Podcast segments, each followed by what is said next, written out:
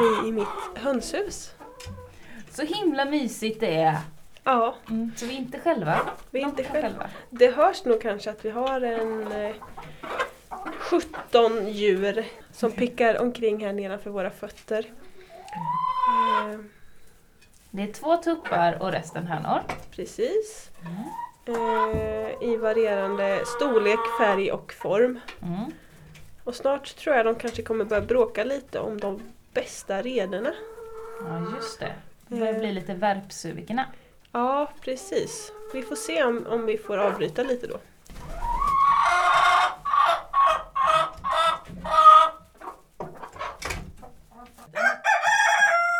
Men nu får du faktiskt vara tyst lilla tupp. Nu har våra på två tippar börjat med sin så här morgon, eh, morgongal här, höll jag på att säga. Men de hävdar sig lite mot varandra. Ja, ni har ju två. Eh, Ska vi upp. ja, jag tror det. Vi får göra det. Vi får byta plats. De låter lite för mycket. Så vi byter till ett annat ställe. Ja. Då fortsätter vi podda där.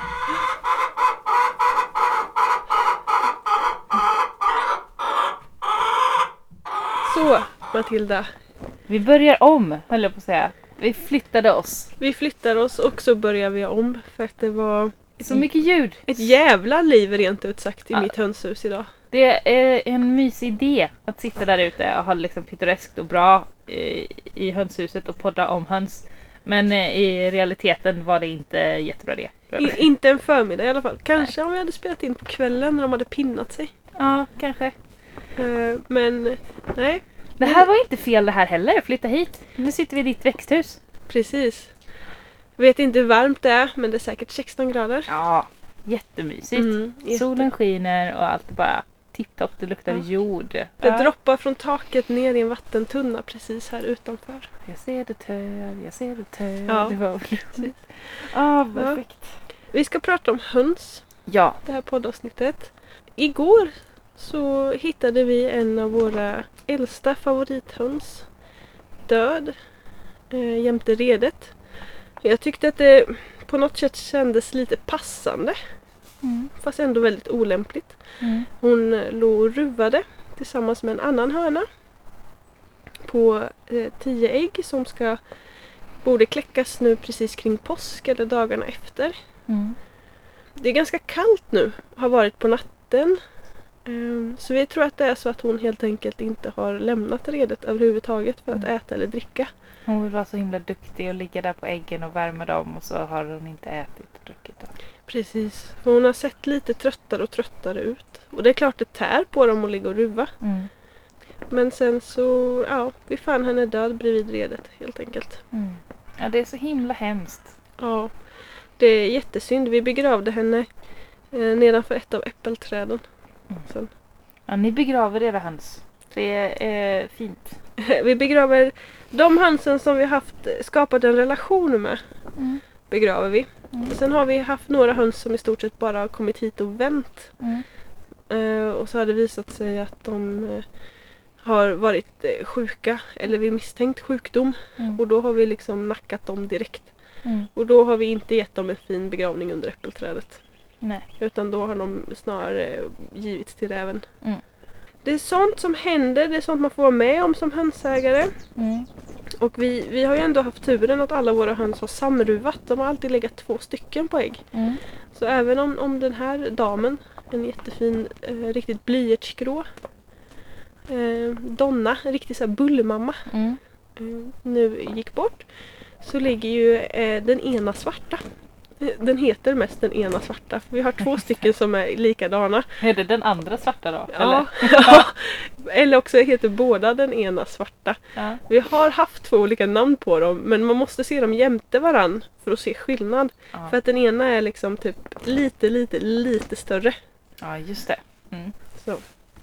Men den ena svarta Mm. ligger ju kvar på äggen Mm. stadigt. Så förhoppningsvis så kycklingarna har ju klarat sig. Mm. Mm. Ja, det kommer bli fint med små kycklingar sen. Mm. Det är mysigt. Mm. Det kommer bli jättehärligt. Ja. Mm. ja, så bra, så bra. Ja, eh, och vi har ju haft höns i knappt ett år.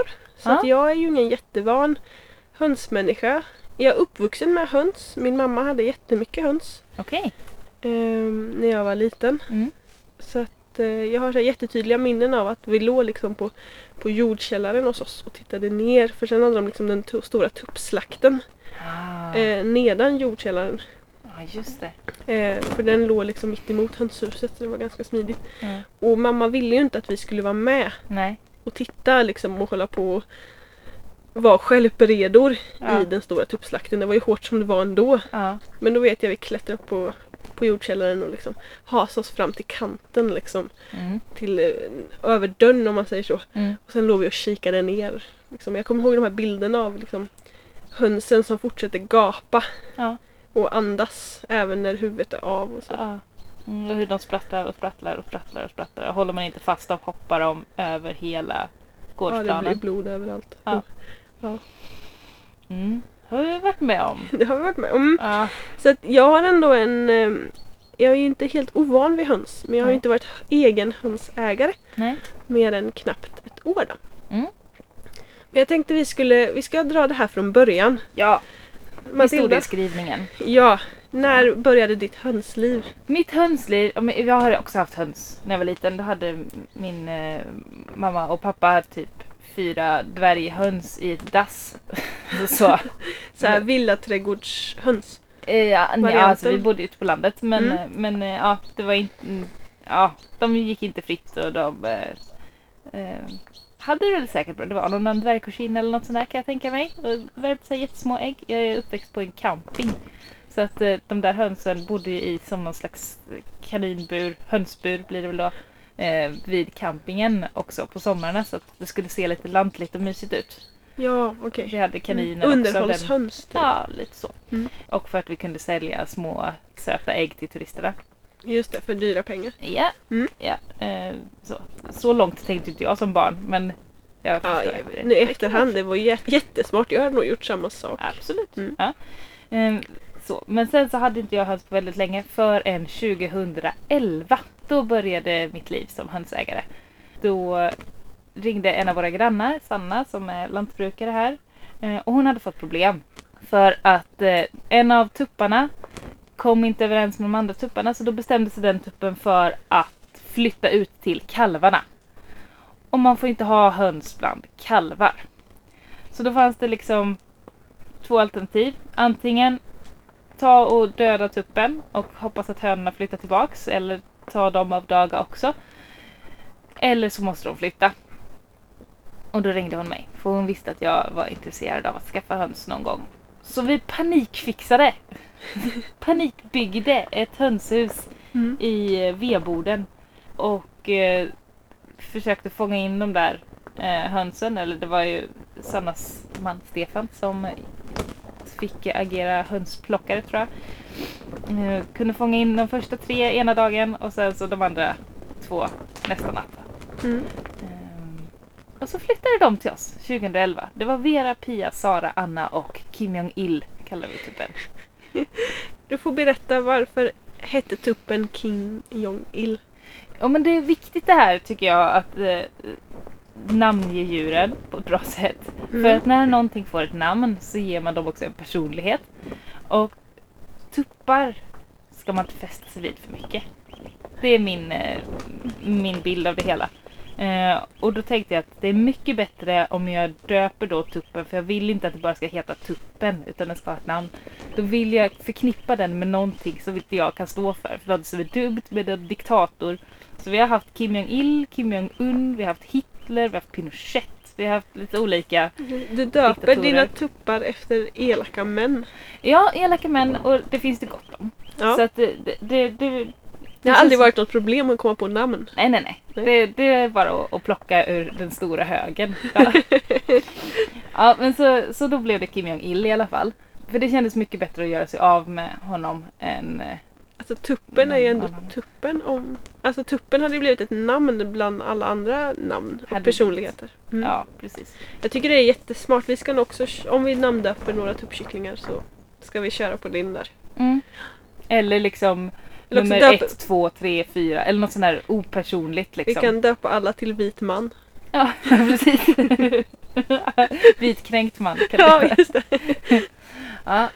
Eh, ja men så, så att eh, därför har det varit viktigt för mig att tupparna inte ska eh, ha ett namn jag förknippar med någonting gott. Men de senaste åren har jag frångått det lite grann och Mm. börjat döpa dem efter kockar.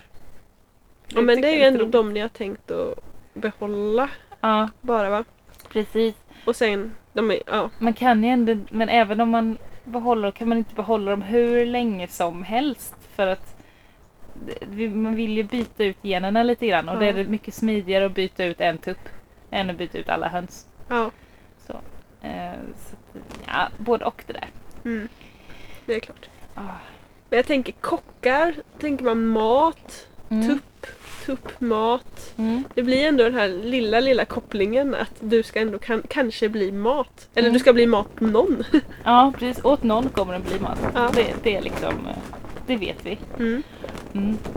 Ja, men jag hade i alla fall eh, började med fem höns 2011 och sen så skaffade vi lya lite till och från. Vi var på hönsbytardagar och vi köpte ägg eh, som vi har kläckt fram med äggkläckningsmaskin. Byggt massa olika äggkläckningsmaskiner. Bara det är ett helt kapitel för sig själv. Ja, din Petson-gubbe. Ja, oj, oj, vad vi har byggt. Och era hemmabyggen med. Det var någon mikrovågsugn som stod och blinkade under er trapp första Ja. gången jag var hemma hos er. Vi har byggt om en mikrovågsugn till äggkläckningsmaskin. Mm. och vi har byggt om ett gammalt akvarium till en äggkläckningsmaskin. Det är inte så svårt med äggkläckningsmaskin. Vi måste nästan gå in på det nu. Alltså, för att en äggkläckningsmaskin ska funka behövs det, det behövs fukt. Och det behövs en temperatur, rätt temperatur. Och man behöver vara där och vända äggen. Eh, Så antingen så fixar man en automatisk vändare. Eller så det, I de bara... man köper, maskinerna man köper så ingår ju allt det där i ett, eller hur? Ja, precis. Men man Mm. kan också gå till mm, eh, äggkläckningsmikron Ja, och eh, öppna den två gånger per dag och snurra äggen. Ja, och markera typ sträcksidan uppåt på natten och cirkeln uppåt på morgondagen. Ja, Eller de flyttar ju inte på sig så vänder de bara en kvart varje gång. Så, Ja. så snurrar de alltid åt samma håll. Mm. Eh, det Jag, skulle, ja, jag skulle aldrig minnas det där. Men, Nej, ja. men så, och så har vi en termostat och en eh, lampa som ger värme. Eh, och så slår ju termostaten av den när det blir för varmt. En termometer måste vi ha också. Så funkar det. Och så för att få fukt så bara ställer vi in en kopp med vatten. Sen får man se till att den aldrig är tom. Just det. Det är inte så svårt. Nej. Så att det, det, det, det funkar smidigt. Vi har kläckt fram kycklingar både i mikrovågsugn och i akvarium. så, det ju helt... Ja. mm. Och då är det en mikrovågsugn som inte fungerar. Ja, jag tycker vi förtydligar den ja, vi tar biten. ut alla vitala delar ur mikron. Själva mikron är ju bara en låda kan man säga. För att behålla värmen och fukten. Eh, det är ingen sån snurrskiva. Det är inte så att man liksom drar sätter mikron på liksom tre minuter för kyckling, två minuter för vaktel och på defrost för struts. Det är liksom Nej. inte så det funkar. Nej, utan precis. det- Det... går inte att starta den och mikrovåga äggen. Nej, precis. Utan det är lampa för att få, få det varmt och sen så eh, en liten behållare med vatten för att Mm. få det fuktigt. Och sen så får man vara där och lysa äggen lite då och då. Ja, Så det. tar en riktigt stark ficklampa och sätter den mot ägget. Det ska vara mörkt runt omkring och så kan man se då hur stor är luftbubblan? Är det för mycket fukt? Är det för lite fukt? Eh, är det, lever ägget? Eller lever det Precis. någonting i ägget eller inte? Har det utvecklats någonting? Och så? Ja, eller är de döda? Eller så. Det får man hålla lite koll på. Så, så det är roligt. Ja. Kan man se. Det är mycket lättare på vita ägg än på bruna ägg. På maranägg helt värdelöst. Just det, de är så tjocka och mörka i skalet att det är svårt att... Ja, maranägg dem. är liksom här som riktigt mörk chokladbruna. Så himla fina. Ja, och det var ju en sån tupp som du fick av eh, mig. Precis, när du hade haft höns i sex år ungefär Något sånt. så hade ni delat upp er flock i två Ja, för att ni ville ha renrasiga marankycklingar. Mm. Och det var, skulle, vara- det var så himla bra. Vi hade fått, eh, eller vi hade köpt ett gäng maranägg. Och så hade det kläckts några av dem. Och då så var det en höna hade kläckts och en tupp hade kläckts. Vi ville se till att den andra tuppen som vi hade, Tarek, eh, så att han inte blandade sig in i den genetiken utan vi ville ha renrasiga marankycklingar. Så då tog vi de här två, den hönan och tuppen som var maraner, satte dem i vårt största växthus och sen satte vi dit tre stycken hönor till bara så att inte... Man ska Ja. inte ha en tupp och en höna. Nej, det blir lite utan för varje tupp måste ha ett par stycken hönor. Ja. Så då satte vi dem i växthuset. Eh, och de var ju kläckta här så att när vi hade de här två tupparna ihop då var det inga problem. Nej, Två tuppar som växer upp ihop går ju oftast bra för de skapar sin hierarki under uppväxten. Ja, I alla fall när det är liksom en, en som är pappa och en som är son så behöver inte det vara genetiskt men att de liksom växer upp med en som är äldre och en som är yngre. Ja. Om det är två bröder då kan de bråka som fan. Ja. att säga. Men eh, när de är ja, en Men- som alltid har varit kung liksom och en som blir prins, det är okej. Det är okej. Ja. Eh, Så de hade, eh, det hade varit okej, sen flyttade vi isär dem. Sen så skulle vi flytta tillbaks dem då när vi hade, de hade börjat lägga ägg där ute som jag visste att ja, men nu är de befruktade Av, av. Carl-Jan. Det var ni visste att det var rena maranägg. Ja, Det hade gått så lång tid. ja. Ni behövde växthuset. Vi började växthuset till annat. Då satte vi tillbaks eh, eh, den här lilla nya flocken då med Carl-Jan och hans gäng. Marantuppen och gänget. Eh, I en gård precis intill. Det var liksom av, vi hade spärrat av hönsgården i två med ett nät och sen så hade de fått ett eget litet rum inne. Och sen så kommer min favorittupp då, Tarek, springandes på gården, kacklandes och är helt blodig längs hela nacken. Jag går upp och kollar till Carl-Jan och han ser precis lika illa ut. Och då har de bråkat genom det här nätet. Genom hönsnätet. Ja. Så att det gick liksom inte att hålla dem isär på det sättet. Eh, det borde jag ju räknat ut. Fast man Eh, tänker ju ändå att ett nät är ett nät. Ja, jag tänkte inte att de bråkade igenom det. Men det och de hade ju hållit sams innan. Men de kände väl inte igen varandra och, eller hade blivit så förbannade på varandra. Så att det, det gick inte. Och då ringde jag dig. För jag tänkte att det här går inte. Alltså jag vill ju ha eh, hönsen fritt.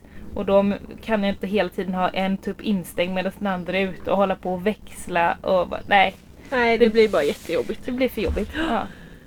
Uh, Han var jag, tvungen att flytta eller så skulle han få dö. precis. Och jag hade ju pratat om att vi ville ha höns sen. Mm. Det hör ju på något sätt till, om man vill vara lite självhushållande på landet så har ju höns en ganska stor del i det tycker jag. Mm. De måste inte, det säger jag absolut inte. Men, men om man ändå äter ägg Mm. så har de en, en, en given plats. Ja. Mm, så du ringde mig och jag ringde min bror först av allt eh, som äger ladugården bredvid oss. Där det finns ett utrymme som är gjort för höns som var i ganska dåligt skick. Och jag vet när vi var och tittade på de här två gårdarna bredvid varandra, min familj och hans familj. Eh, så vet jag att jag klev in där i hans ladugård och bara Det här är ju perfekt för höns! Det är gjort som höns! Det blir jättemysigt med en liten flock höns här! Mm. Och han bara så tittade på mig och bara Jaha, jag tänkte att det skulle bli fikarum till verkstaden ja. Men okej då. Typ. så att jag, eh, jag ringde honom i alla fall och bara ah, Är det okej om jag flyttar in lite höns? Så att jag hyr den där delen av dig. Du, du får ägg i hyra såklart. Det är lugnt. Ja, jag renoverar och betalar allt. Bara jag får, liksom, bara jag får utrymmet. Så här. Och han sa att ja, jo men visst, absolut, det går väl bra. Eh, så då stressrenoverade jag ett hönshus. Det här med Det låter kombinationen. bekant. Det låter, ja, jag tror alla har det så att nästan alla har det nog så att de funderar på höns. Någon ringer dem och säger jag har höns, jag måste bli av med dem nu. Mm. Eh, och sen stressrenoverar man ett utrymme till hönsen. Ja. Mm. Eh, och sen så flyttade ju då Carl-Jan, den jättestora fina marantuppen Carl-Jan Mm. och eh, fyra höns från dig Mm. som barnen döpte till eh, Glittertindra. Det var för övrigt hon som vi hittade död Mm. igår morse. En jättefin dam. Eh, en som hette Lilla Gubben, en som fick heta Lampa och en som hette Poppy. Yes. Ja men det märks att eh, det är dina barn som döper dina djur. Jag ska inte säga för mycket om det. Men det är jag som döper djuren hemma hos mig. Det, så fort någon annan har döpt ett djur har de dött. Jag bara, det är Mm. liksom eh, Det är lika bra att jag gör det tycker jag. Just det. Ja, du får berätta om hur du fångade Carl Jan. Ja, För att han, han var stor, han var ju, mådde ju inte bra, nej. han var stressad, ja. han var sur, han var adrenalinstinn, ja. han var spattig, alltså, det, han var alltså, stor stor. han var jättestor. Alltså, det är ingen historia jag är stolt över men Carl Johan hade ju inte haft det bästa livet. Han var ju, han var ju kläckt hemma hos mig och sen så hade han ju börjat gnabbas lite med den tuppen vi hade, Tarek. Sen flyttade vi ut dem till ett växthus. Han fick vara där och ha det lite lugnt där. Men det är lite besvärligt att bo i växthus. Eh, som, som sådana som vi har i glas. För att de ser ju inte rutorna. Så att ibland blir man rädd och så liksom hoppar man till och så liksom är det en ruta där och man fattar inte. Alltså, jag, jag sätter mig in i nu i hans tänk som tupp. Eh, men han, ja, han tyckte det var lite svårt liksom. Och dessutom när, när det börjar bli grönt och fint ute så ser man allt det här fina gröna gräset men man kommer inte ut och sen så ser han den andra tuppen som går ute med sina hönor och så får inte han det. Just Så jag ska inte tolka in för mycket, djur och människor är inte samma. Men äh, han, han kommer liksom inte riktigt överens med mig för att han var liksom, ja men han var rädd för mig. Jag hade ju fångat honom en gång då och Och flyttat satt honom, honom i till det där detta växthuset. glashelvete. Ja precis. Mm. Sen så eh, fångade jag honom igen, satte honom i en liten gård. Och där blev han ju brutalt misshandlad av den som han, eh, den Just andra tuppen då. Så det var ju aldrig bra när jag fångade honom. Det, det, det. ledde ju alltid till helvete för, i hans Ja. minnesvärld då. Sen stängde jag ju in honom så att han bara fick vara inne i ett litet rum. Eh, ett litet, ja men det kanske var sex kvadrat. Och de var fem höns. Det är Vilket ju ska- helt godkänt. Helt godkänt Mm. om man snackar industrihöns. Mm. Han var där i det lilla, lilla rummet. Och sen skulle jag då fånga honom. Ja. Det var kväll. Och eh, ni hade f- en jättefin bur. Ja, Eh, precis. Du och skägget kom dit och eh, jag tänkte, nu gör jag det bara. Nu måste jag bara ta honom. Jag hade... Vet. Du stod och djupandades när vi kom typ Ja. och bara jag har, jag har mentalt förberett mig så. så. Precis, jag hade varit ute några kvällar innan och bara ställt mig i dörröppningen till det här rummet och tittat på dem. Ja just det. För att de skulle vara lite lugna med att jag kommer in på kvällen och bara står där. Ja, just det. Mm. Så jag hade förberett dem lite. Jag trodde du gick ut för att psyka dem. Ja men det blev lite en psykning. Alltså de ju väldigt... De var rädda den flocken. Ja det var det. För, för att det var aldrig särskilt mysigt när jag kom dit. Det, Nej.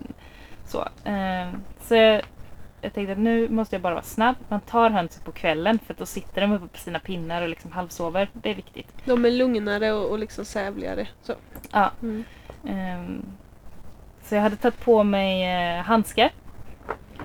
Och tänkte att jag måste ta tuppen först. För att om jag inte får honom i början då får jag honom aldrig. Utan det är den första och han är, alltså han var jättestor. Googla på kopparmaran så ser ni hur stora de hönsen är. Eh, och stark och liksom, ja men ung och frisk och liksom bara Mm. jättepå.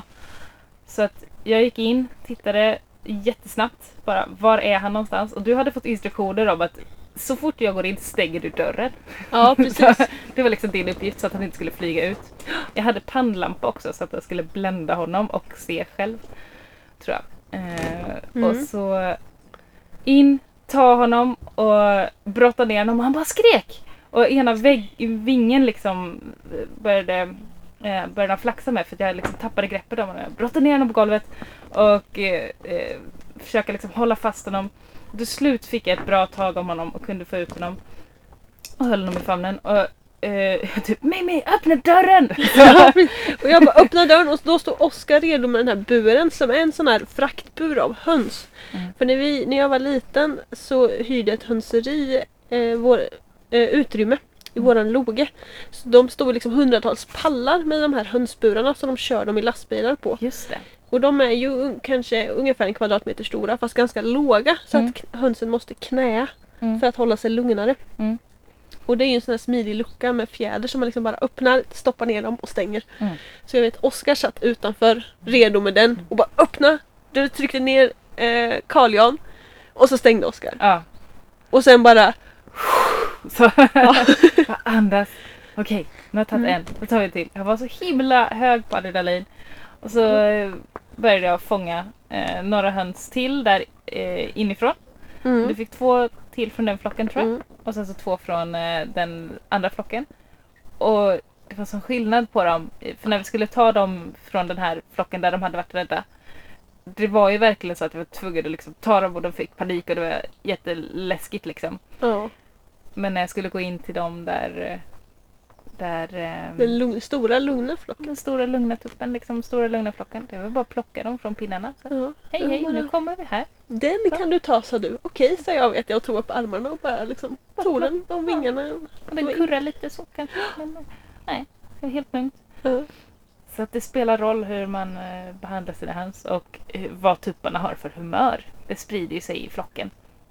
ja. Så. Jo men det gör det för att då flyttade ju de hit och vi fick ju aldrig, alltså vi försökte ju men Carl-Jan blev aldrig lugn. Nej. Han var väldigt avvaktande och han hade liksom en blick. Mm. För om, om man tittar på en tupps ögon så kan man se temperamentet på dem tycker Mm. jag. Mm. Och han hade alltid den där lite modiska liksom i blicken. Mm.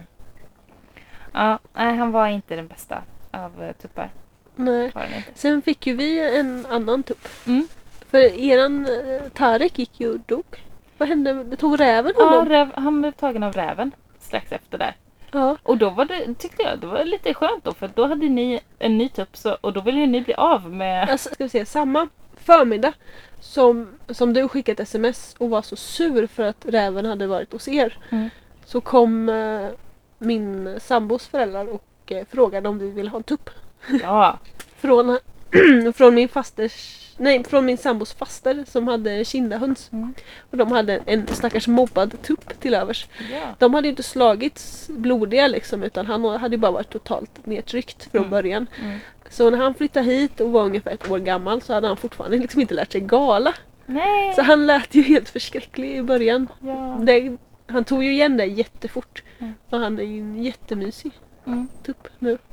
Och då flyttade Carl-Jan tillbaks till oss igen. Ja, Det här himla hattandet för Carl-Jan. Och fick ta över flocken. Det, det gick bra.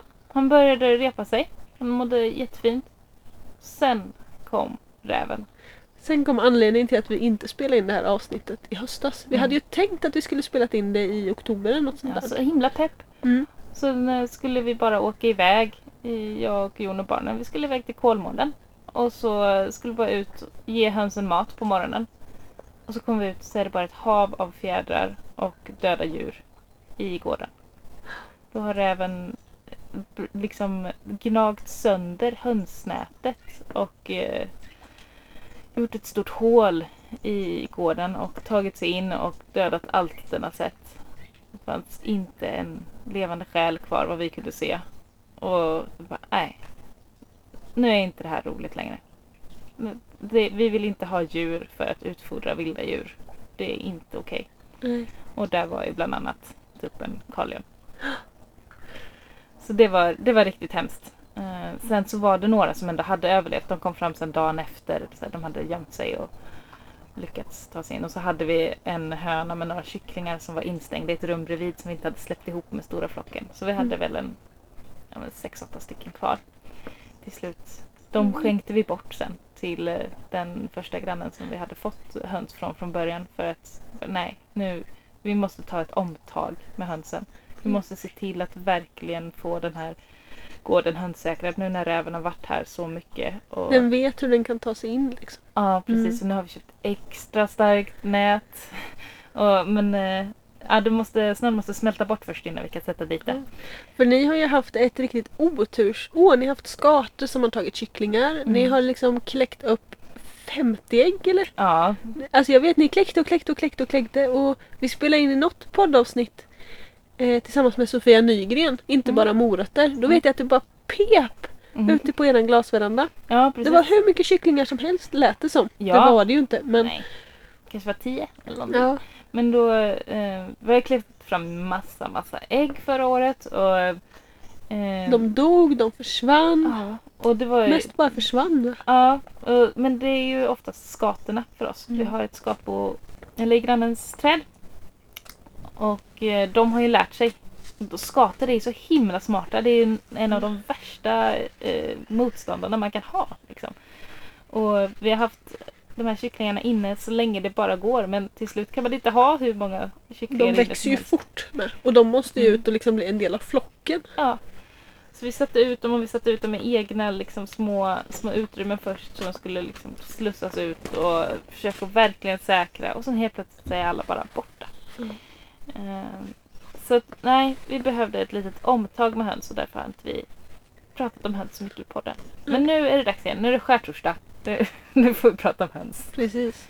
Ja, eller jag, jag kan tillägga en sak för att vi har ju plockat in höns utifrån vuxna individer. Mm. Men vi har också haft oturen att de har kommit med, med sjukdomar då. Mhm. Mm. Eh, eller troligtvis sjukdomar. Vi har ju haft som sagt höns som i stort sett bara varit och vänt hos oss. Eh, för att vi har släppt in dem, kommit in en eller två dagar senare och de beter sig som de har fått en stroke till Mm. exempel. Vilket är Mareks sjukdom. Eh, det är något med nervbanorna som svullnar upp så signalerna, det blir nästan Alltså syndromen blir som en stroke ungefär, de går snett. Mm. De kanske inte kan resa sig, de beter sig konstigt de, och sådär. Och de hönsen har ju liksom vi, alla höns därifrån har vi bara plockat ut och nackat rakt av då. Ja, för det är väldigt smittsamt. Det är väldigt smittsamt och de, ofta så dör de av dem. Mm. Dör de inte av det så blir de smittohärdar utan dess like Ja, just det. istället. Så det är liksom, man vill inte riskera någonting där. Nej, nej. Utan det är bara ut och nacka. Och det, jag tänker att det här är ju en... Det här blir en, en ganska lång inledning på den här podden kanske. Men det blir ju också en historia om livet med höns. Mm. Att det, kan, det blir en del snabba beslut. Det blir död, det blir bekymmer. Men de är också väldigt, väldigt mysiga. Ja, fruktansvärt mysiga. Ja. Och jag saknar mina höns så otroligt mycket. Jag märker det i vad jag tar bilder på. Det är så jag kan märka vad som är viktigt för mig. Ja, Det som är viktigt det tar jag mycket bilder på. Eh, och när jag kollar från liksom första halvan av förra året. När, för jag summerar alltid varje år mina bilder och gör album och sånt där. Det är jättemycket bilder på höns och ägg och nästan inga bilder på katterna. När man ska jämföra mellan djuren liksom. Men eh, de betyder jättemycket för mig. ja, de ger väldigt mycket annat mer än bara liksom ägg. De, Ja. är, de är personligheter, de får en att skratta. Man kan sitta och titta på dem nästan hur länge som helst. För Ja. de har liksom ett sånt eh, intrikat samspel mellan varandra. Och man kan se hur, vem är det som är ledarhönan i den här flocken och hur integrerar de med varandra. Och Mm. hur håller tuppen på och fjäskar. Och, Ja, nej, och vilka dansar. De är så söta när de dansar tupparna tycker jag. Spärrar upp sina små vingar och steppar i sidled liksom. Och Ja. ja, och sen vartefter så utvecklar man ju relationer till dem och man liksom kan se temperamenten i ögonen på dem. Man kan se personligheterna, Mm. färgskiftningarna, hur de ändras när de växer. Mm. Alltså det är, ja, jag tycker det är världens bästa djur liksom. Mm. Mm. Så himla mysiga.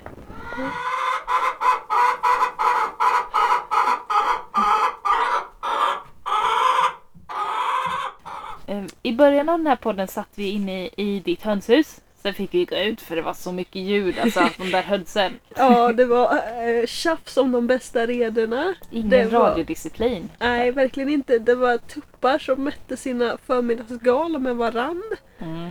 Och jag vet inte allt vad de styrde med. Det var ett jävla kackel rent ut sagt. Alltså de håller på. Mm. Ja, men eh, vi tänkte att vi skulle prata lite om själva boningsplatsen. Om Mm. hönshuset. För jag tror att en del av våra lyssnare är i den situationen som både du och jag har varit då man gärna vill ha höns eller funderar på att skaffa höns eller sitter i paniksituation att nej jag måste fixa ett hönshus nu. Ja, precis.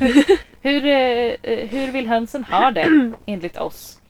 Enligt oss. Ja, nu ska jag, alltså jag tycker alltid vi kan säga så här. Vi är inga superexperter på det här. Vi har inte pluggat höns, någon av oss. Nej, Vi har haft höns och läst lite om höns men inte studerat höns. Vi är inga lantbrukare på det sättet. nej och vi kan inte alla lagar och regler in i minsta detalj. Eh, men det finns vissa grundläggande saker jag tycker man ska ha koll på. Det, ett, ge hönsen mer utrymme än vad du tror de behöver. Mm. Faktiskt. Var lite schysst mot dem. Precis. Inga djur mår bra av att bo för trångt. Nej. Sen finns det ju vissa regler och jag, om jag minns rätt så tror jag att det är att du får ha 4 till 5 dvärghöns per kvadratmeter.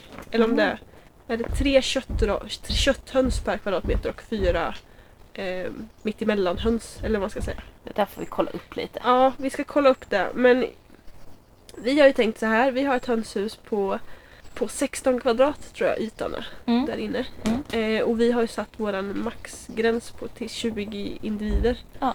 Så att eh, ungefär någon kvadratmeter per hörna tycker jag är ganska okej om man kan hålla det där. Sen är det Mm. klart det finns toppar och dalar. Eh, hönsbestånden ökar ju och minskar under året Mm. med kycklingar och rävattacker och så. Ja, precis. Eh, de vill ha det torrt. Mm. Det är viktigt att Mm. de har torrt.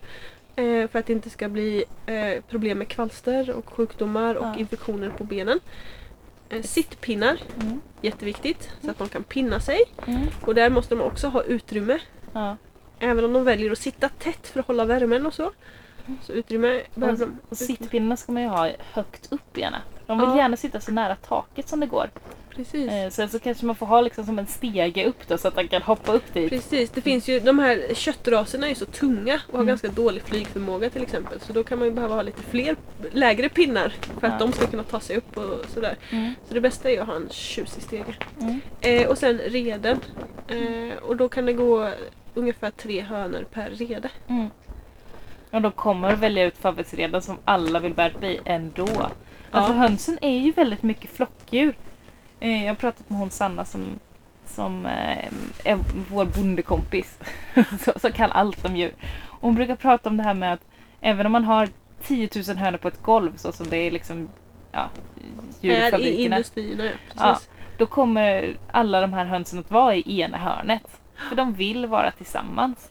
Ja. Eh, De vill vara liksom ett flock. Så, så det spelar ingen roll egentligen det här med att man har en jättestor kvadratyta och man har skitmånga höns. De kommer ändå trängas och då så Mm. ska man inte ha skitmånga höns. Ett, en höna kan känna igen upp till 100 individer. Men inte mer. Sen blir de förvirrade. ja. Så är det 10 000 så det, det vet inte. Vem är kompis? Vem, är, vem var det? Vet inte. Nej usch. Nej, så, så 10 000 eller 1000 höns ska man inte ha. Nej, max 100. Max, max jättemax 100. Ja, det låter bra. Max 100. Och sen behöver de ju ha en, eh, en utegård. Mm. Som det helst ska vara tak på. Mm. Så att man kan hålla dem instängda där. Och eh, mest är det väl för att ehm, vilda fåglar inte ska komma in med sjukdomar. Mm. Vi har ju några flyttstråk som går över oss. Och då Mm. vet jag att Jordbruksverket tycker att vi ska hålla hönsen instängda vissa tider på året när de värsta flyttstråken går. Mm. Eh, på grund av fågelinfluensa och sådana saker. Mm. Eh, och eh, är det så att hönsen inte får gå fritt någon gång så behöver man en ganska stor gård. För Mm. att hönsen mår inte bra av att gå i en helt liksom, upphackad geggamoja Nej. där det bara är svart jord. Mm. De äter ju ändå insekter och gräs och liksom, växtlighet och de behöver ju ha det. Mm. Ja, precis. Och ett litet sandbad vill de ha också. Ett sandbad, jätteviktigt. Det är Eh. så de badar för att bli av med kvalster och parasiter. Precis. Vi har ett sandbad inne i vårt hönshus. Mm. Vi, vi har det styrt så, vilket nog kan ses på några bilder om man går in på, på min Instagram. Eller, och sen kommer vi lägga upp lite bilder i samband med det här avsnittet. Mm. Eh, att vi har eh, sittpinnarna ganska högt. Under sittpinnarna har vi en gödselplatta. Mm. Det är ju Eh, smart. Jättesmart för vi kan köra in skottkärran och ställa under den och sen kan vi bara raka ner allt bajs Det är perfekt. i skottkärran och sen köra ut den. Och det är en sån städning som vi försöker göra två gånger i veckan ungefär. Mm. Och det tar ju liksom fem minuter. Mm. Eh, och sen har vi också ett sandbad som rymmer ungefär två höns i taget. Mm. För jag upplever att de tycker att det är gött att ligga bredvid varandra och skvätta lite. Liksom. Mm. Eh, och det har vi eh, sandlådesand, Mm. aska, eftersom vi eldar med ved. Mm. Och sen har vi också tillskott av kiselgur. Lite i det. För att få ner risken snarare. Det är liksom förebyggande åtgärder mot kvalster och massa ohyra och skit. Mm. Och sen har vi också kalkat våra väggar. Mm. Just det, det är bra. Det hjälper också mot ohyra och så. Mm. Så det är väl grunderna. Ljus, de behöver dagsljus. Mm. De behöver rent vatten. De behöver mat Mm. i någon form. Mm. Färdigt värpfoder, helsäd, krossad säd. Alltså de äter ju Mm. typ, Solrosfröna är ju favoriter. ja, Alltid. alltid. Mm. Jag förstår dem, det är ju jättegott. ja, precis. Mm. Mm. Eh, så det är typ eh, grundläggande vad hönsen behöver. Mm.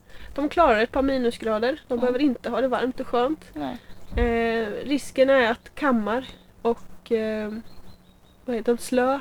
Ja, det som är vid hakan liksom. Ja, det som hänger under och dallrar på en del tuppar. Mm. Sen platta pungkulor. Mm.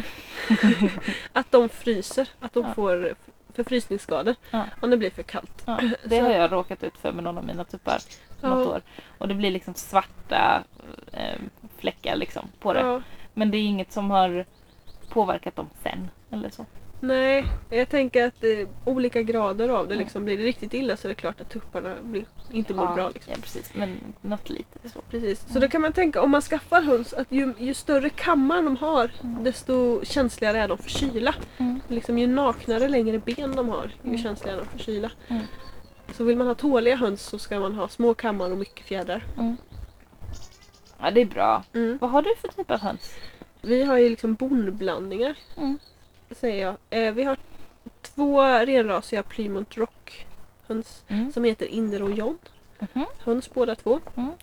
Eh, som är min dotters. Hon fick dem när hon fyllde fyra av en kompis. Mm. De är ganska stora kombinationsraser.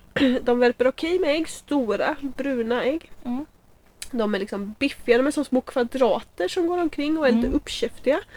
Min dotter gör det bästa med att försöka uppfostra den där hönsen. Nej Indra! Nej John! Du får inte hacka på farmor, säger hon. Då blir det köttgryta av dig! Inte jättelydiga. Nej, verkligen inte. Hon Nej. fattar inte alls. Men hon, hon är så involverad i alla fall att hon fattar ju att eh, ehm, att vi, vi har ju en tanke om att slakta tuppkycklingar för kött Mm. sen. Mm. Får se hur det går. Hittills har vi behövt hugga huvudet av fyra av hönsen. Mm. Titta, där hörs hon, fyraåringen. Ja. Ja. Ute och leker här utanför. Mm. Men eh, alltså vi har liksom gett dem värdiga begravningar allihop. Mer eller mindre. Ja, hur tänkte ni där? Höll jag på att säga. För jag vet att vi snackat om det tidigare några gånger utanför podden. Att ja, men, eh, ni vill ju ha höns för att ni ska kunna äta dem Ja. också. Jag var helt inne på, alltså jag var nästan lite emot att, först tänkte jag så här, tacka nej när du erbjöd mig hönsen. Ja. För att vi ville ju ha en kombinationsras, en renrasig kombinationsras. Så vi liksom hade bra produktionsdjur som både gav oss ägg och kött. Mm. Men eh, alltså jag är mer och mer inne på att helt dumpa köttätandet. Mm. Eh, för att det tar emot liksom. När jag har en död höna där liksom och även om jag har bragt dem om livet själv Mm. så har man liksom ändå klappat på dem, bett om förlåtelse och Mm. liksom sådär innan man bedövar dem och hugger av huvudet. Mm. För att det känns, alltså ve- jag blir såhär, men vem är jag att sitta och bestämma här och nyttja, alltså det blir så utnyttjande på något sätt. Som, Men nu, nu kommer jag här som vegetarian. Ja. Det är lite konstigt. Och bara så här, men nu har du dödat den. ja, Ät ut, upp den då. ja, Varför ska det vara så svårt? jag vet. Det är egentligen en, en bättre resurseffektivitet effektivitet att äta djuret också än att bara ge det till räven. Ja. Men eh, jag vet inte, det tar emot. Har du provat att, alltså har du plockat någon av dem? Nej. Har du, tagit, du har inte tagit ur någon av dem heller? Du har, Nej. bara, du har huggit huvudet av dem och sen begravt dem eller gett, lagt ut Ja. dem i skogen? Vi sparade några fjädrar av den första hönan och jag tyckte det kändes jättejobbigt att ta fjädrarna från henne när hon var död. Ah. Det är lätt, alltså jag har plockat några av våra höns. Eh, för vi har ju bjudit några andra bekanta på, på tuppgryta.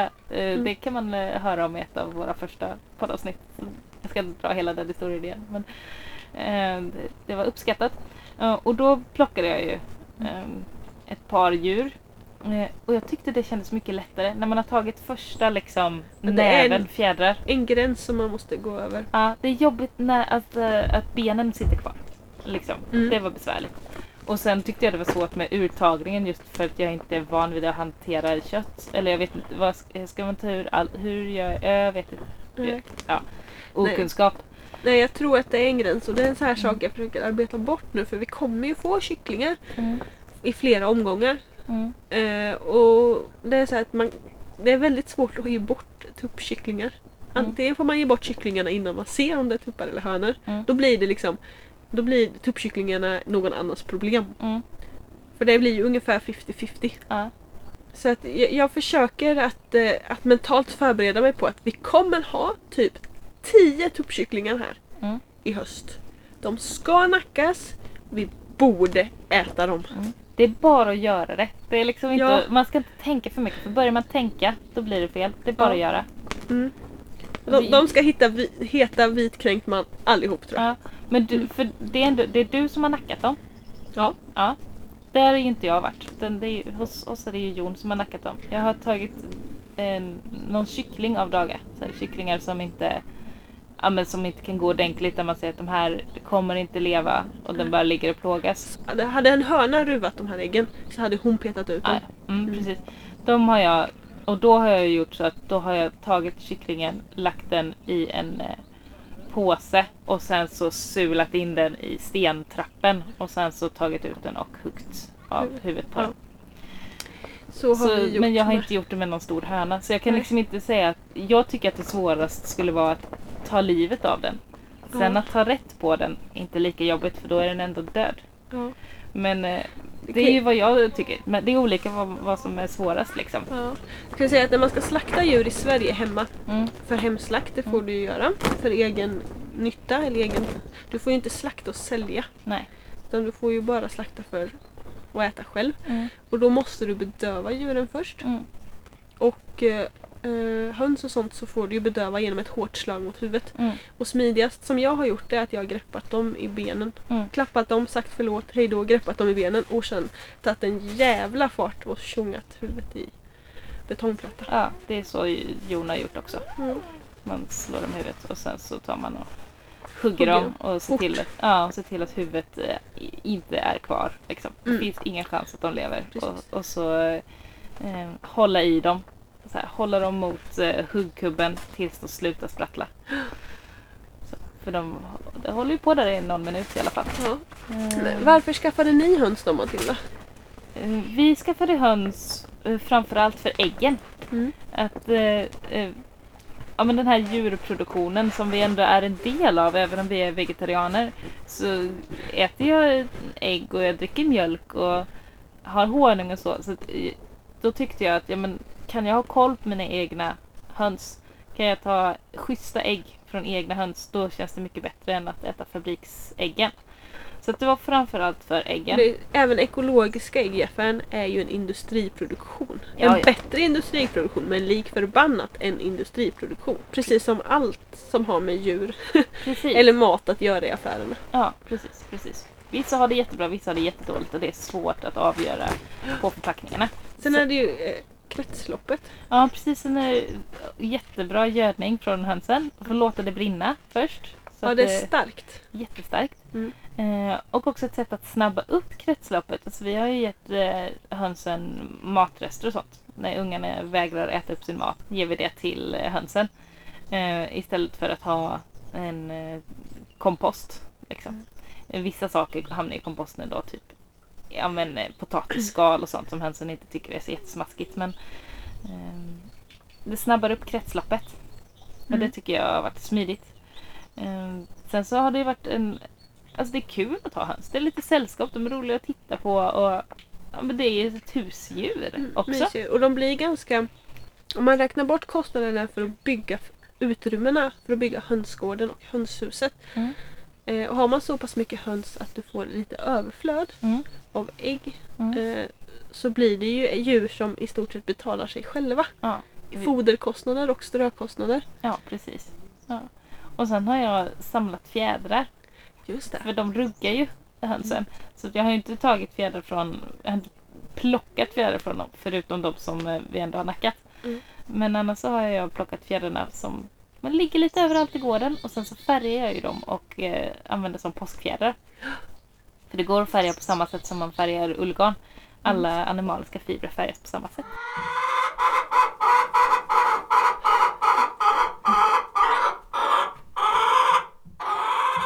Men så därför skaffade vi höns. Lite olika anledningar. Men eh, ja, framförallt äggen. finns någon så här, ehm, om man ska vara sån, den som är den, ett permakulturellt tänk i höns. Mm. Att en sak har flera nyttor. Mm, De ger gödsel, de käkar sniglar mm, och skadedjur om man vågar ha dem kring odlingarna. mm. Eh, De käkar ju också även odlingarna. Ja. Jag Så. hade höga stängsel runt eh, odlingarna så att inte hönsen ska komma in där. Jag vill inte ha hönsen i Nej, mina trädgårdsland. precis. Och sen ger de liksom ägg. och socialt. Mm. Ja, precis. Så att de, ja helt underbara djur. Så himla mysiga. Har du haft dem fritt eller har de inlåsta? Våra går fritt. Mm. Helt och hållet fritt. Ni har ju dem en bit bort också. Ja, vad kan det vara? 75, 50 eller 75 meter något sånt där bort till ladugården där de går. Ja.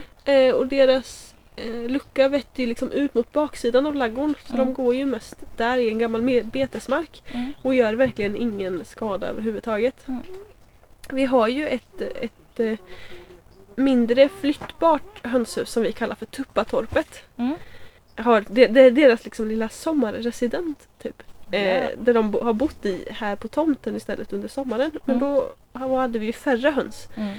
Och fyra höns och en tupp hinner inte göra jättestor skada om de kommer in i odlingarna. Mm. Däremot en flock på 20 höns hinner hitta på en hel del dumt.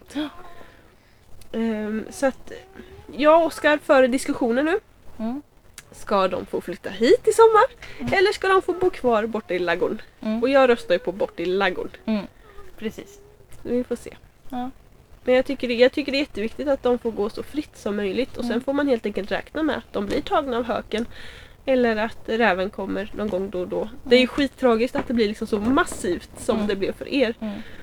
Men, men om man ska jämföra att djuren ska vara instängda i en miljö som egentligen inte är helt naturlig för dem Mm. kontra att de liksom får vara, leva sitt liv så naturligt de kan Mm. eh, och då riskera även faror så tycker jag ju att det är bättre att riskera farorna. Mm. De har ju ändå instinkter som säger att de ska hålla sig undan. Ja. Tupparna varnar ju.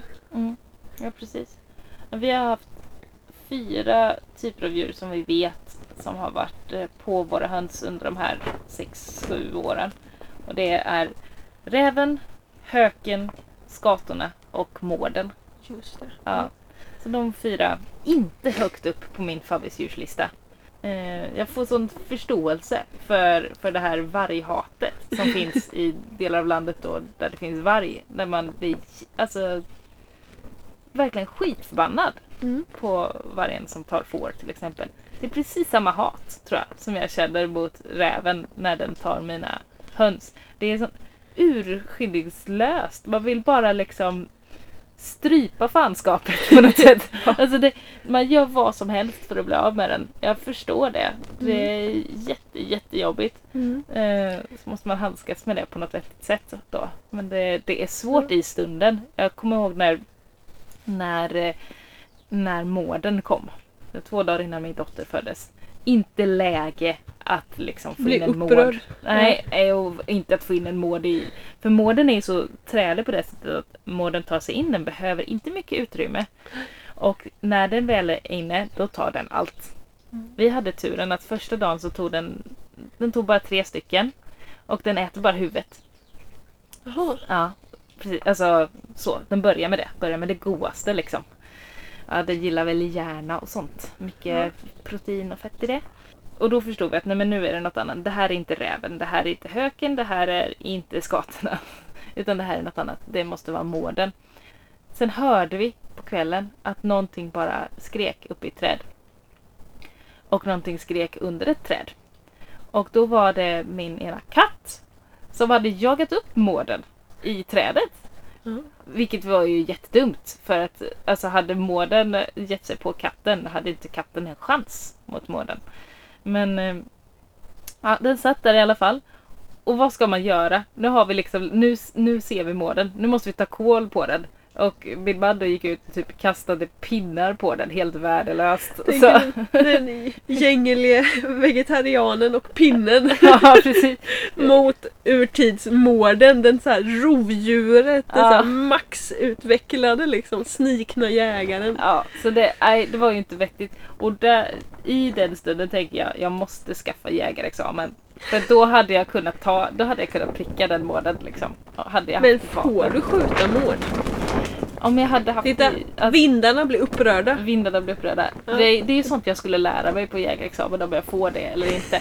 Jag du tror- tänkte inte så långt Nej, du tänkte tänkte- bara jag ska skjuta den jäveln! Ja, precis. Ja. precis. Ja. Så att det är jobbigt liksom med, med det där hatet mot ett djur. Mm. Mm. Alltså jag, jag sitter ju som den här vargkramaren på andra sidan här nu. Mm. Och bara, men det finns väl sätt att lösa det på utan att döda dem. De tillhör ju vår... Eh... Fast den där mården ger inte upp. Nej, och jag förstår ju det. Och grejen är ju så här med att vi har ju vi har sett rä- grävling här och vi ser rävspår. Mm. Men vi har aldrig haft, jag har inte ens, inte ens haft en skata liksom som har varit på ägg. Trots att de har liksom lagt ägg all over the place. Ja. Det hade de inte vi heller de första två åren. Eller? Nej, det Så- kommer väl. Jag tror att det är så att djur, de har inte riktigt fattat att det finns liksom. Nej, snart blir du också bitter. Ja. Vi, vi tar ett nytt poddavsnitt då. Ja, vi har ju en rävflock som bor en bit bort i skogen. Och jag vet ju liksom att ja, men, dagarna innan midsommar, liksom veckorna innan midsommar där, då kommer räven att komma och börja ta våra höns. Då är Eh, de och då hungriga. stänger, ja, då stänger vi in dem. För då är, då är deras ungar, alltså då är rävungarna så pass stora. Så att då behöver hon så mycket mat, den här mamman. För Mm. att kunna utfodra dem. Så då är hon inte lika rädd längre. Jag kommer ihåg när vi satt och poddade i ert stora växthus. Mm. Och du såg räven springa Mm. över gärdet. Mm. Mot Jag bara sprang. Ja. Bara sprang och skrek. svor. Liksom. Mm. Ja.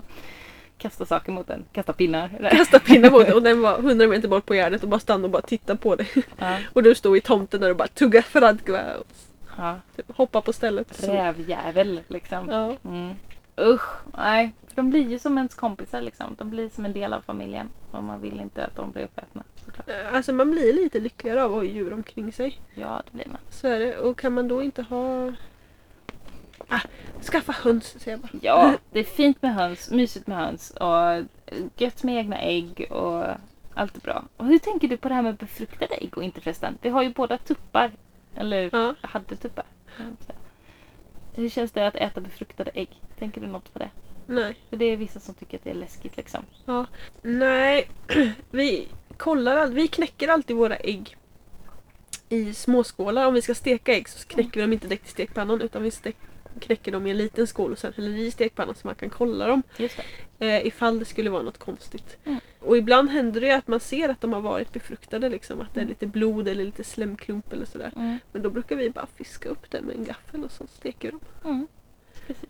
Det är Ja. inte mycket mer med det. Nej. Det är en sak om alltså ägg som hönsen har legat på Ja. ett par dagar. De käkar vi kanske inte om de har legat någon vecka eller något på Nej. dem. Det tar ju två dagar innan det börjar utvecklas någonting Precis. i äggen. Så tar man dem inom två dagar, man ska ta äggen varje dag. Ja. Då är det liksom ingen fara. kan man ju ha så här modiska eh, hönor som vi har. Mm. Eh, som både ser ut som badass bitches Ja. och som dessutom hugger efter den så fort man närmar sig när de ligger på äggen. Och då kan det vara så att man inte alltid har svetshandskarna på sig och känner, för det är typ bara då jag vågar plocka upp dem Mm. när de hugger efter mig. Mm. Ehm, och då får, kan de ju ligga och då kan det bli så att det kanske inte, inte blir en dag men ehm, en och en halv dag Mm. kanske innan man tar de där äggen. Ja. Och då, då märks det ju att Mm. de har legat på dem. Men det, vi äter ändå. Mm. Jag käkar ju fiskrom Ja, och sånt där med liksom. Och, ja, det är bara att äta. bara äta. Mm. Säger hon som, som inte kan äta köttet. Ja. Ja, så jävla mycket hyckleri. Fan. Ja. Jag käkar fostren men jag käkar inte de vuxna individerna. ja, det är svårt. Vi har gjort så att när vi har haft för mycket tuppkycklingar så har min man som är tredje generationens vegetarian då har han alltid liksom sån ångest över det här att nej men, nej men vi borde äta dem, säger han. Eh, Han vill gärna äta dem. Och då brukar jag säga, men varför då? För att det finns så många som vill äta kyckling. Han vill ju inte det egentligen men eh, Han bara känner att han borde. Ja, att det är något slags resursslöseri att inte göra det. Men då säger jag att men då skänker vi bort de här tupparna till några som faktiskt vill äta kyckling Precis. och sen så behöver inte de köpa kyckling då. Nej. Så blir det bättre, tänker jag. Och jag vinner alltid med det argumentet. Ja men det är ett bra argument. Ett Det är svårt argument. att komma med något mot det. Ja, precis. Så vi har nu de senaste åren eh, så har det kommit folk till oss som eh, vill äta upp våra tuppar och ta hand om dem. Så tar de dem levande. Liksom, bara flyttar iväg dem. Ja, Sen så nackar de dem någon De löser allt själva. De löser allt själva. Får, nu får tupparna flytta till en bättre plats. Så vinkar vi av dem. Eh. Pratar inte ni med era barn om det där att vi äter? Vad, vi, liksom, vad folk äter? Jo, det gör vi. Eh, jättemycket. Eh, och också för att barnen äter ju kött och så hos dagmamman men inte Mm. hos oss. Mm. Så att då, ja men kött och djur och vi äter inte djur hemma och ni får äta det hos dagmamman men inte här. Mm. Så. Och vissa äter ky- kycklingar och sådär. Mm. Och de är ju med när om någon av kycklingarna dör framförallt. Ehm, om man märker att nej, men nu är det helt plötsligt är det bara tre i kycklingar i den här flocken där det brukar vara fyra. Var är den fjärde? Så går vi runt och letar och så hittar man den och så får de liksom titta på dem och liksom känna på dem. Och när den är kall och när den lever inte och nu måste vi Mm. eh, begrava dem.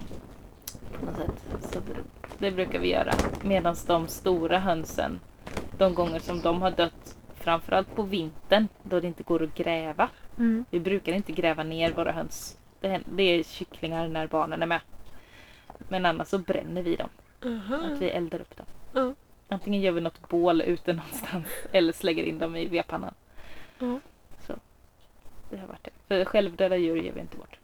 Nej, är, nej, nej, nej. Nej. Aldrig äta självdöda djur. Nej. Vi brände en, eh, hade ett bål med höns. Ett bål med höns. Jag tror det var en eller två. Så morbida Ja. vegetarian. Ja, och vi, vi eldade i ett av grönsakslandet för några år sedan. Just det. Mm. Eh, och det blev, växte jättebra där. Det Ja. blev någon sån svedjebränning liksom. Alltså jag, hon som fick eh, grävas ner under äppelträdet här nu. Mm. Henne grav, grävde jag ju ner ganska nära där kolen ska växa i år. Ja. De ska växa liksom i ett par land som utgår nästan som solstrålar från det här äppelträdet. Då tänker jag att då kommer hon ligga där och kanske ge lite bra. Först tänkte jag faktiskt gräva ner henne rakt, rakt under ett av kollanden. Mm. Men på något sätt så kändes det liksom den här gamla damen liksom. Ja, jag vet inte, det tog emot lite. Som fick ligga jämte. För det är ju så här, av jord är du kommen, av jord ska du åter. Vad säger den? Vada, bliva, Ja. födas. Jag vet. Inte. Nej. Det är ju kretsloppstänk också. Vi blir ju också maskmat. Mm. Till slut. Faktiskt. Ja. Jag tänker i alla fall att det är väldigt viktigt att, att prata med barnen om vad vi serverar på tallriken. Liksom. Mm. Vad vi äter och hur det fungerar liksom, i djurproduktionen. Mm. Kanske inte om hur hemskt det är utan snarare lyfta det positiva man he- hemma liksom. Alltså tar man livet av någon så är man ju en, en mördare Mm. i, på ett sätt liksom. Mm. Så att det är väl kanske på något sätt att, att vi som väljer att döda djur måste acceptera oss som mördare också. Mm. Båda hållen. Och jag Ja. som är vegetarian är också en del av det. Jag får liksom inte glömma det. Att bara för att jag inte äter själva djuren så Alltså jag dricker mjölken. Då Ja, kom, måste det finnas kalvar och då måste några äta upp de kalvarna. precis. Så att jag är beroende av att andra äter djuren. Ja. Och då kan det inte, dö- jag är inte emot de som äter kött. Jag tycker man ska äta bra kött. Jag tycker Mm. man ska äta vettigt kött. Eh, om man ska äta kött. Och samma sak med att dricka vettig mjölk. Eller äta vettiga ägg. Liksom. Ja, eller smör, ost, whatever liksom. Det är viktigt att de djur som vi väljer att ha runt omkring oss har det, har det bra. Liksom. Eh, så, så att jag är inte alls eh, rabiat på det sättet och emot folk som äter kött. För jag är beroende av dem för att min kost ska funka. Och för att vi ska öppna landskap och sånt där. Eh, men jag väljer att inte äta kött. Mm.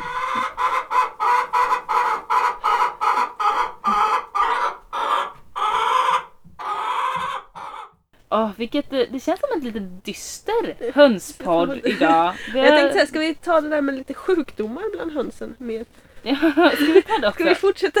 Vi tar lite sjukdomar och sen måste vi nog runda av så det inte blir en allt för lång podd.